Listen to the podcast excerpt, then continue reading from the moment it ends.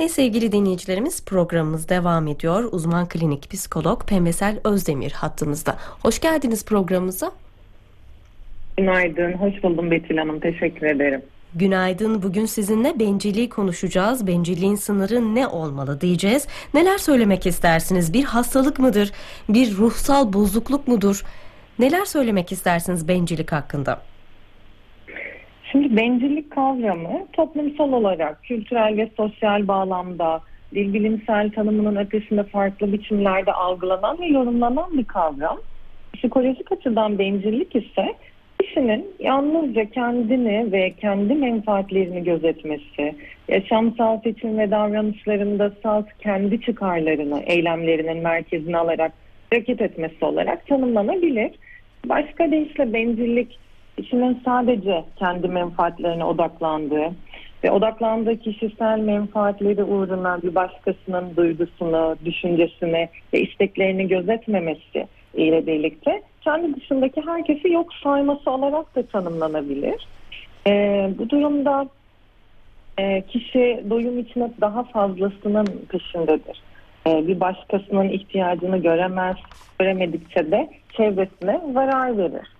Aslında burada e, ben merkezci düşünce var diyebilir miyiz? Yani çevresindeki insanları bir figüran gibi görme söz konusu var diyebilir miyiz?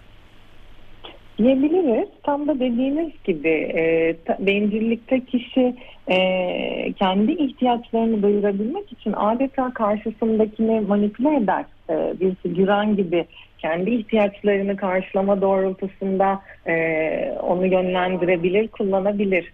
E, bu durumda e, bencillik e, karşıdaki kişiyi e, duygu ve isteklerinin, ihtiyaçlarının ötesinde bir figüran gibi görmek de olabilir aslında e, sanki yaşam onun çevresinde sürüyor değil mi? Bir de bencillik dışında bencilik var. Burada Hı. ayırmamız gereken o çizgiyi siz anlatır mısınız bize?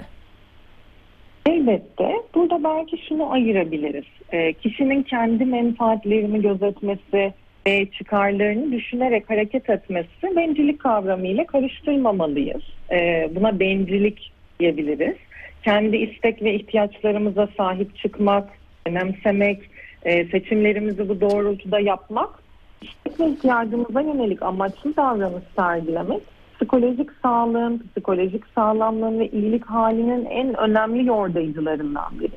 Burada ayırıcı nokta olarak belki şundan bahsedebiliriz. Kişinin yalnızca kendisinin değil, bir başkasının da ihtiyaç ve isteklerini gözetebilme becerisi varsa bu benci olmak olabilir. E, fakat bir başkasını e, görmek istiyorsa sadece kendi istekleri uğruna çabalıyorsa bunu da bencillik olarak ele alabiliriz. Hı hı. Peki bencilliğin arka planında e, ne yatıyor? Yani zayıflık mı, güçsüzlük mü ya da mutsuzluk mu?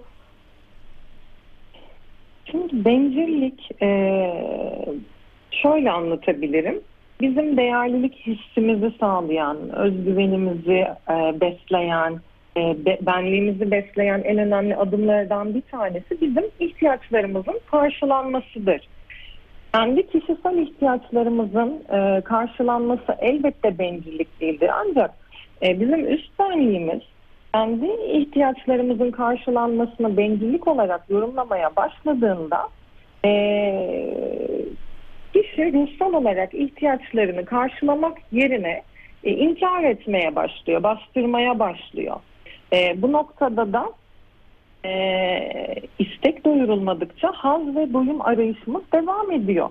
Bir yandan alt benliğimiz sürekli o ihtiyacın doyurulması için e, baskı yaparken üst benlik ise bunu bencillik ile suçlamaya devam ediyor.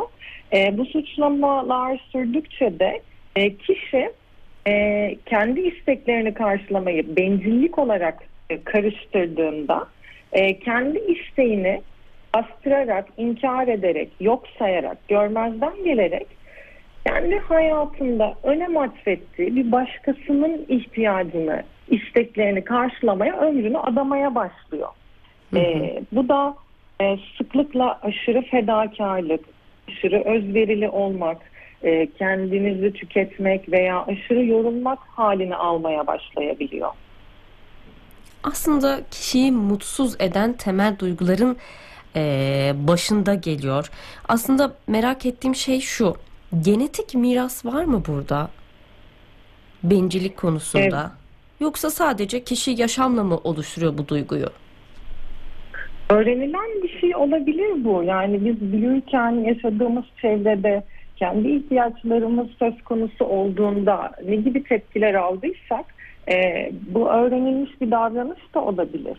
Nasıl ki e, kendi ihtiyacımız olduğunda bunu bastırmak da öğrenilen bir şeyse, kendi ihtiyacımız doğrultusunda bir başkasını manipüle edebilmek, onun ihtiyacını görmemek, yok saymak da öğrenilen bir davranış olabilir.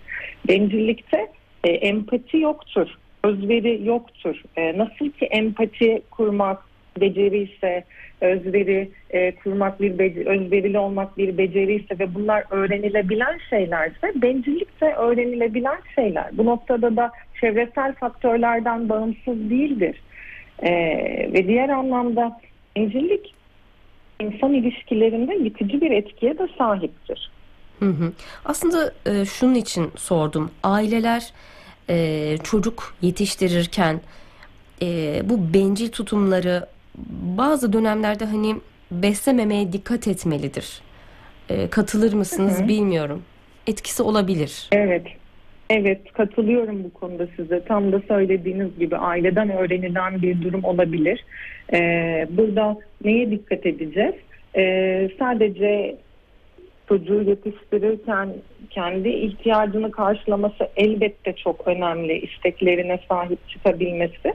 Fakat kendi ihtiyaç isteğini karşılarken başkasının da duygusunu görebilmeyi öğretmemiz önemli. Ona sadece kendi duygusuyla ilgilenmeyi, sadece kendi ihtiyacıyla ilgilenmeyi öğrettiğimizde o zaman tam sizin söylediğiniz gibi bencilliği pekiştirmiş oluruz. Hı hı. İnsan ilişkilerinde de e, bu tür insanlar hep ben kavramını ortaya koyar değil mi? Ben haklıyım, benim dediğim olsun, ben böyle istiyorum gibi kalıpları çok sık duyabiliriz. Elbette. Ee, ilişkide sürekli benden bahsedildiğinde ilişkinin dinamiği bozulabilir. Tabii bu da yalnızca bireysel olarak da değil, toplumsal olarak da bir takım ciddi problemlere sebep olabilir. Bencillik nedeniyle insan ilişkilerindeki bağ güvensiz bir zemine kayar. Kişilerin ilişkilerde empatiden yoksun bir konuma geçmesine neden olabilir. Bu durum toplumsal yapıyı olumsuz yönde etkiler. Bencillik ile attığımız adımlar ilişkilerimizde sınır ihlaline de yol açabilir. Bu sebeple empati becerimizi geliştirmek ve ilişkilerimizde sağlıklı sınırlar inşa edebilmek çok önemli. Çocukluk döneminden bahsettik ama e, çiftlerde durum ne olabilir? Yani ilişkilerde kendini en çok e, bencil tutumlar gösterir değil mi? E, tartışmanın nedeni olabilir bu ben savaşı. Elbette, elbette çok sık karşılaştığımız bir durum. Burada belki bencillik ve fedakarlığı e, iki uçta bulunan kavramlar olarak ele alabiliriz. Eğer biz bir ilişkide e, ilişkideyken karşınızdaki kişi yalnızca çıkar sağlamak için yanınızda oluyorsa veya sadece kendisine yardımınız dokunacağı zaman sizi umursuyorsa yani ilişkinizde bencil bir durum ile karşı karşıya kaldıysanız orada mutlaka kişisel sınıra ihtiyaç var demektir. Çünkü bir uçtaki bencillik e, bizi diğer uçtaki aşırı fedakarlığa doğru manipüle edebilir. E, bu durum kişinin kendi yönünü kaybetmesine veya kendi ihtiyaçlarını dahi fark edemeyeceği bir konuma geçmesine neden olabilir. Dolayısıyla burada bizi koruyan sınırlara ihtiyacımız olur ilişkide. Hı hı. Bence olmaktan bahsetmiştik ya az önce. Ee, burada tabii özellikle hayır diyebilmeyi e, öğrenmemiz gerekiyor. Hani bu sağlıklı sınırları e, ilişkimize e, katabilmek adına. Bu konuda neler söylersiniz? Yani başkasına zarar vermeyerek aslında hayır da diyebilmeliyiz diye düşünüyorum. Elbette yani e, bugün konuşmamızın başında şunu sormuştunuz ya bencilliğin bir sınırı var mıdır, bir sınırı olmalı mı? E, burada belki de tam dikkat çektiğiniz noktaya değinmemizde fayda var. Bencilliğin sınırı sınırsız olabilir ama bizim mutlaka bencillik karşısında kendi sınırlarımızı korumaya, inşa etmeye ihtiyacımız var. E, bu sınırlar duygusal sınırlar olabilir, fiziksel sınırlar olabilir, zihinsel sınırlar olabilir ve bu sınırları inşa etmeye başlamanın belki de ilk adımlarından biri hayır diyebilmek olabilir. Memnun olmadığımız e, bir durumu, hoşnut olmadığımız bir durumu, duygumuzu, düşüncemizi ifade etmek olabilir. Hı hı.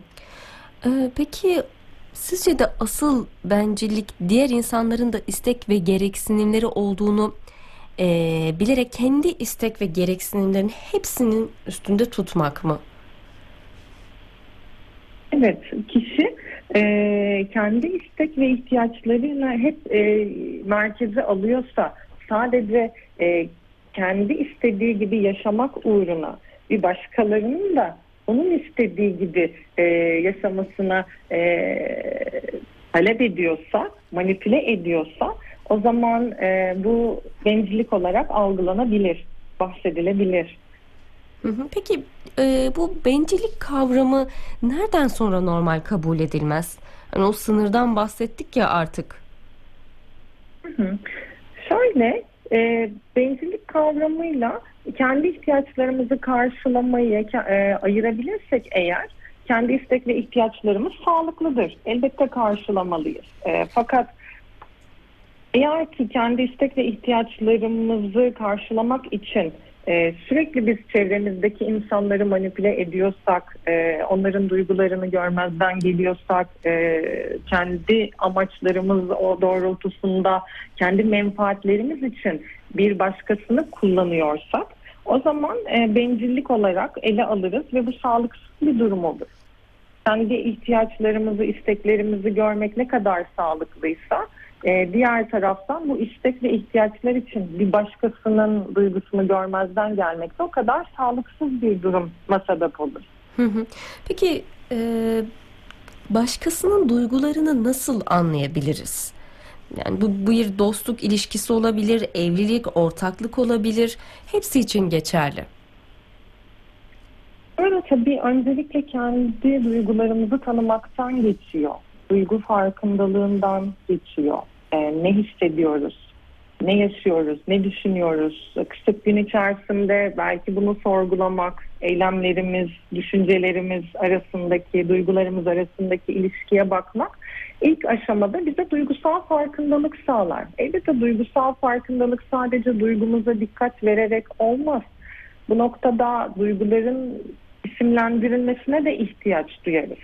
E, duygu e, kelime hazinemizi de genişletmeye ihtiyaç duyarız. Ne kadar çok kendi duygumuzu tanımlayabilirsek o kadar çok bir başkasının duygusuna da dikkat verebiliriz.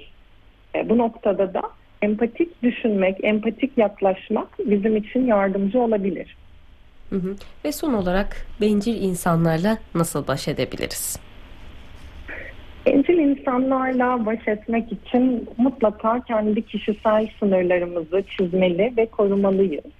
Ee, ve ilişkide eğer yalnızca e, karşı taraftaki kişinin talepleri, istekleri, ihtiyaçları söz konusu oluyorsa ve duyulmuyorsak, görünmüyorsak, anlaşılmıyorsak orada mutlaka e, sınır e, çekmemiz gerekecektir. E, bu hem bizim sağlıklı bir birey olmamıza yardım eder hem de sağlıklı bir birey olarak sağlıklı bir ilişkinin içerisinde de var olmamıza yardım eder.